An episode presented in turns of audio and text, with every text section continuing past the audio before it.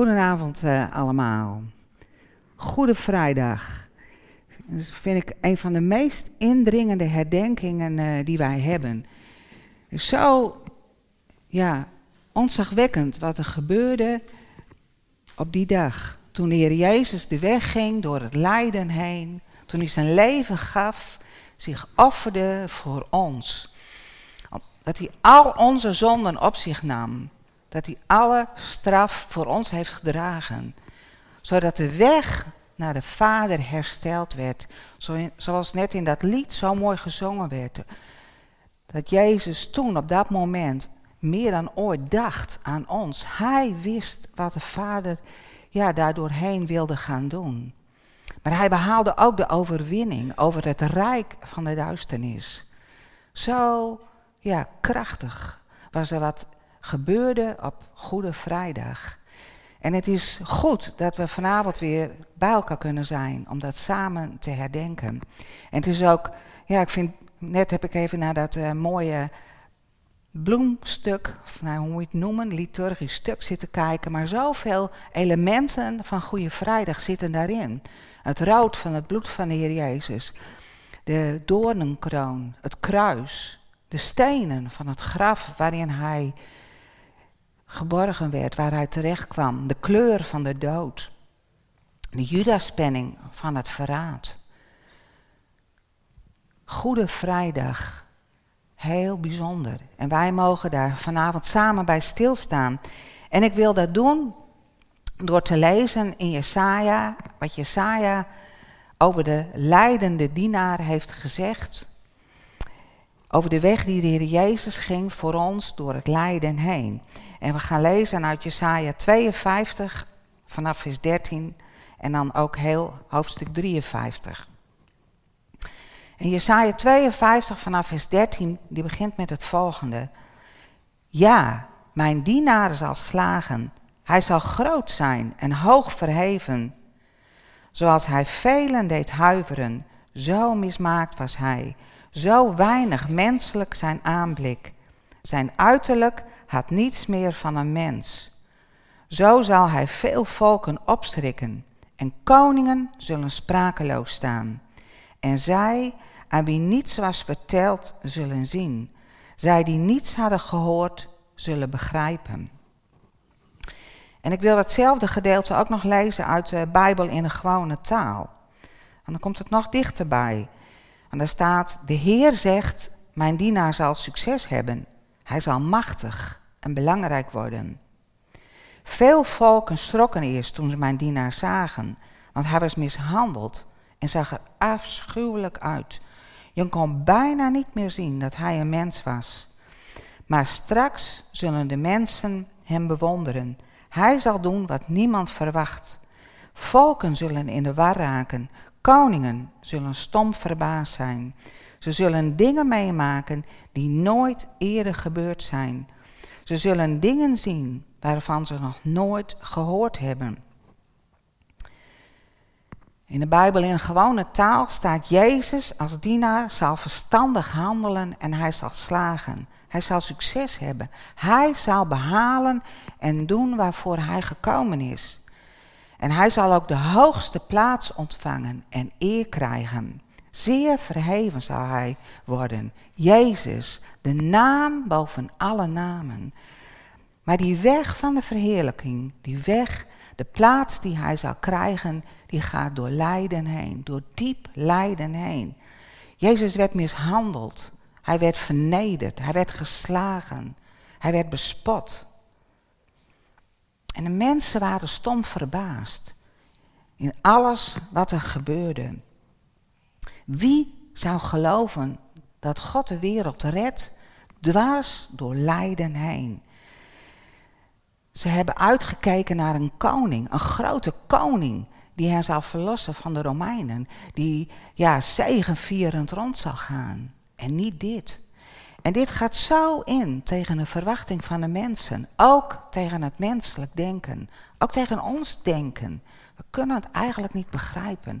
En ook de discipelen die met de Heer Jezus optrokken, die uh, dit ook gehoord hebben wat in Jesaja staat, die begrepen niet wat Jezus bedoelde toen hij sprak over zijn lijden. Ze hadden zo'n andere verwachting. Maar de weg van de Heer Jezus ging door lijden heen. En er gebeurden dingen die nog nooit iemand gehoord had en die nog nooit iemand gezien had. En dan gaat Jesaja 53, die gaat daarover door. Die gaat het eigenlijk ja, nog een keer benoemen. Want wie kan geloven wat wij hebben gehoord? Aan wie is de macht van de Heer geopenbaard? Als een lood schoot hij op onder Gods ogen, als een scheut uit dorre grond. Onopvallend was zijn uiterlijk. Hij miste iedere schoonheid. Zijn aanblik kon ons niet bekoren. Hij werd veracht, door mensen gemeden. Hij was een man die het lijden kende en met ziekte vertrouwd was. Een man die zijn gelaat voor ons verborg en door ons werd verguist en geminacht. Het begint er weer eigenlijk met die verwondering. Wie kan dit geloven wat wij gehoord hebben? Wie? Wie kan dat ja, begrijpen? Aan wie is de macht van de Heer geopenbaard? God laat zijn kracht zien op een manier die de mensen niet hadden verwacht. En wat heel opvallend is over dit Bijbelgedeelte, het is een toekomst voor uh, profetie die nog gaat gebeuren als Jesaja dat uitspreekt. Maar het hele stuk wordt in de verleden tijd geschreven. Het is, ja, geeft weer een, een bepaalde lading er ook aan, hoe dat geschreven is. Het is ook bijzonder dat Jesaja dit allemaal al heeft uitgesproken. Ik vind dat zo'n wonder van de Bijbel. Als je, hoe meer de Bijbel leert kennen, wat in het Oude Testament staat, wat de profeten spreken, wat in, de, in het eerste gedeelte staat van de Bijbel, de boeken van Mozes, en hoe dat later weer terugkomt. En ook in het Nieuwe Testament hoe dat terugkomt. Het laat zo zien dat de Bijbel een, een, een woord van God is met bovennatuurlijke input. Dat zien we ook in dit gedeelte wat Jesaja geprofiteerd heeft. De dienaar, de, die kwam als een lood voor Gods aangezicht, staat hier. Hij was een tak die groeide, die op, ja, als het ware uit de grond kwam. En dat doet denken aan een ander gedeelte uit Jesaja. In Jesaja 11, daar staat het bekende gedeelte dat een reisje voortkwam uit de tronk van Isaïe. Een scheut uit zijn wortelen die vrucht zal dragen. En op hem zal de geest des Heeren rusten. En dat gedeelte spreekt over de komst van de Heer Jezus als de Messiaanse koning. En hier opnieuw een wortel uit dorre aarde. Het geeft aan dat de situatie moeilijk was. Dat er geen vruchtbaarheid was. Het was dorre en doodse grond. En daar komt een lood op, daar gebeurt iets, de kracht die, die ongekend is, die komt daar naar voren. En aan het tweede gedeelte wat we net gelezen hebben, daar staat dat Gods dienaar door niemand gezien werd. Hij viel niet op. Hij was niet mooi. Niemand keek naar hem. Hij werd niet bewonderd. De mensen liepen hem voorbij en ze deden alsof hij niet bestond. Hij wist wat pijn was en hij wist wat lijden was. En hij liet zich liever niet aan de mensen zien. De Heer Jezus lijkt daarin helemaal niet op, de koning, op een koning. Hij, ja, hier wordt een, een, een beeld geschetst van eenzaamheid, van verlatenheid. En dat is al voor zijn, uh, de weg van het lijden die hij gaat op Goede Vrijdag. Als ik dit zo lees, en ik heb er ja, ook over nagedacht van de week, dat is niet het beeld wat ik ken van, van de Heer Jezus in de evangeliën. Hoe hij rondgaat, met de mensen in contact is, wonderen doet. Maar ja, dit laat een andere kant van de Heer Jezus zien. En voor mij heeft het me wel aan het denken gezet. Hoe is het leven van de Heer Jezus hier op aarde geweest? Hij legde zijn koninklijk, koninklijkheid af. Hij vernederde zich. Hij werd mens. En hij diende ons door ook ja, als mens te leven. En ook in zijn leven heeft hij het lijden gekend. Is hij door diepe dingen heen gegaan. Daarom kan hij ook zo met ons meevoelen. Hij kent onze moeite, hij kent onze pijn, hij kent het verdriet wat wij hebben, want dat heeft hij ook gekend. Hij weet het als je afgewezen wordt, als je je zo alleen voelt en diep eenzaam bent. Ook dat heeft de Heer Jezus in zijn leven gekend. En dan gaat het verder in vers 4. Maar hij, de dienaar, was het die onze ziekten droeg, die ons lijden op zich nam. Wij echter zagen hem als een verstoteling, door God geslagen en vernederd. Om onze zonden werd hij doorboord, om onze wandaden gebroken. De straf die hij onderging bracht ons vrede. Zijn striemen gaven ons genezing. Ging het stuk hiervoor over het lijden wat Jezus in zijn leven heeft gekend. Dit gaat over het lijden wat hij gedragen heeft in plaats van ons. De, het, de straf die hij voor ons gedragen heeft. De overtredingen van ons die op hem terechtgekomen zijn. En in het stuk wat we gelezen hebben staat er dat we het niet begrepen. De mensen begrepen niet. Maar het is gebeurd om onze zonden. Ook al begrijpen we niet alles wat er gebeurd is. Ook al werd hij verstoten en veracht. Hij deed het om de straf voor ons te dragen. En de straf die hij droeg, brengt ons vrede. De striemen die op hem waren, brengen ons genezing. En als je in dit deel, gedeelte leest en ook als je in goede, met Goede Vrijdag bezig bent met het lijden en het sterven van de Heer Jezus, dan besef je dat de straf van God heel diep ging. De Heer Jezus, de God kon niet de fouten uh, van ons zomaar door de vingers zien. De straf die op Jezus was, moest volkomen volvoerd worden. Tot het uiterste einde moest de Heer Jezus gaan. En dan gaan we verder met vers 6. Wij dwaalden rond als schapen, ieder zocht zijn eigen weg. Maar de wandaren van ons allen liet de Heer op hem neerkomen. Mooi hoe Matthäus dat gericht ook al las. Wij dwaalden als schapen, gingen allemaal onze eigen weg, kozen zelf wat wij wilden doen, waar wij heen wilden gaan. We keren ons af van de Heer Jezus die de herder was. Maar de Heer Jezus ging een andere weg. Hij wilde wel de weg gaan die de Vader gekozen had. En Gods weg ging via hem. Alle schuld kwam op hem terecht. En Jezus ging die weg om ons terug te brengen naar de kudde, zodat wij voor altijd bij de herder mochten horen.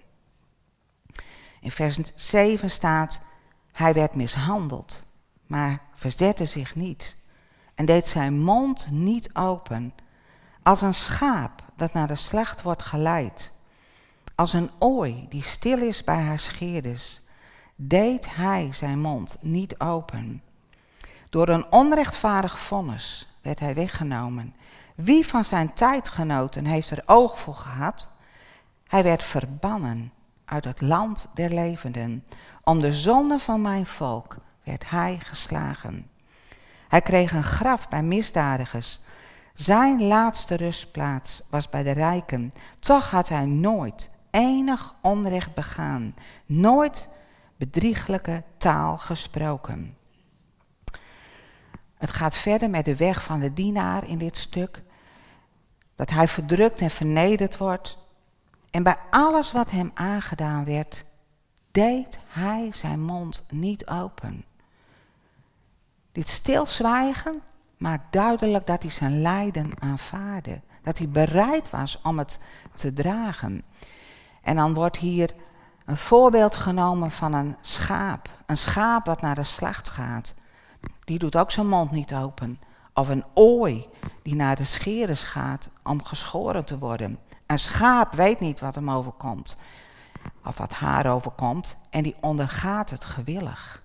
Maar de Heer Jezus wist wel wat hem zou overkomen. Hij wist de weg die voor hem lag. En gewillig, gewillig, als een schaap, als het volmaakte lam, gaf hij zijn leven.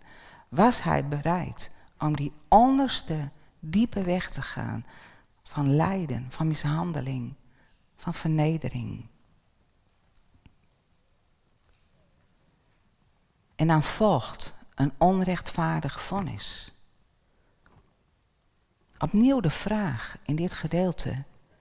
Wie heeft gezien wat hier gebeurde? De mensen stonden eromheen. De mensen waren erbij. En ze lieten het gebeuren. Ze stemden ermee in. Hij werd gedood, de Heer Jezus, om de zonden van het volk. En bij misdadigers kreeg hij zijn graf. Hij werd beschouwd als een crimineel, terwijl hij nooit iets verkeerd heeft gedaan. En bij de rijken was hij in zijn dood. En waarschijnlijk wordt uh, in dit gedeelte ook met criminelen en rijken dezelfde groep bedoeld. En hij werd begraven daar op een plek die hem helemaal niet toebehoorde. Hij kwam op een plek waar mensen terechtkwamen die geweld hadden gedaan. En in zijn mond was geen bedrog geweest. En dan vers, vanaf vers 10, daar staat, maar de Heer wilde hem breken. Hij maakte hem ziek. Hij offerde zijn leven voor de schuld van anderen, om zijn nageslacht te zien en lang te leven. En door zijn toedoen slaagde wat de Heer wilde. Na het lijden dat hij moest doorstaan, zag hij het licht en werd met kennis verzadigd. God wilde de Heer Jezus breken. Hij wilde dat de Heer Jezus zijn leven zou geven voor ons. Hij wilde dat de Heer Jezus alle vuilheid op zich zou nemen. Alle leugens, alle geweld, alle onrecht. Dat de Heer Jezus dat op zich zou nemen. En de Heer Jezus heeft zichzelf als het offer gegeven, als het offerlam en de schuld op zich genomen. En dan in dit vers lees je ook wat er gebeurt na het lijden. De man die door iedereen was veracht, staat hier, zal een groot nageslacht krijgen. De Heer Jezus zal een nageslacht krijgen. En hij wordt een gezegend man die grote waardigheid ontvangt. En in dit gedeelte wordt ook al gesproken over, het, over de opstanding van de Heer Jezus. Want in, in het uh, tweede stukje van vers 10 staat dat Jezus zal herleven na zijn sterven. Want er staat, hij zal zijn nageslacht zien en lang leven. Dus daar wordt al toege, uh, toegewerkt naar de opstanding van de Heer Jezus. Door het lijden heen is er al zicht op het leven. En dan komt een heel mooi gedeelte vers, vanaf vers 11b. Mijn rechtvaardige dienaar verschaft velen recht. Hij neemt hun wandaden op zich. Daarom ken ik hem een plaats toe onder velen. En zal hij met machtigen delen in de buit, omdat hij zijn leven prijsgaf aan de dood en zich tot de zondaars liet rekenen. Hij droeg echter de schuld van velen en nam het voor zondaars op. Dan komt God zelf aan het woord. En die zegt, mijn rechtvaardige dienaar, hij zal vele, vele mensen zal hij rechtvaardigheid geven. Hij neemt hun wandaden op zich en daarom zal hij een plaats krijgen onder velen. En met machtigen zal hij de buit delen. In het begin, in, in wat ik gelezen heb in Jesaja 52, staat ook dat hij verheerlijkt en verheven zal worden. Nadat de Heer Jezus de weg van lijden, de onderste weg gegaan is, zal hij door de Vader, door Vader God, zal hij verheerlijkt worden en verheven worden. En zal hij geëerd worden. Voor een deel is dat gebeurd en voor een deel is dat nog toekomst. Want er zal een tijd komen dat elke knie zal beleiden dat Hij de Heer der Heren is en de Koning der Koningen. Maar hier wordt al verteld dat door het lijden heen de Heer Jezus verhoogd zal worden. Hij zou een plek krijgen als heerser over de wereld. En die plek krijgt hij omdat hij zijn leven uitstortte tot in de dood.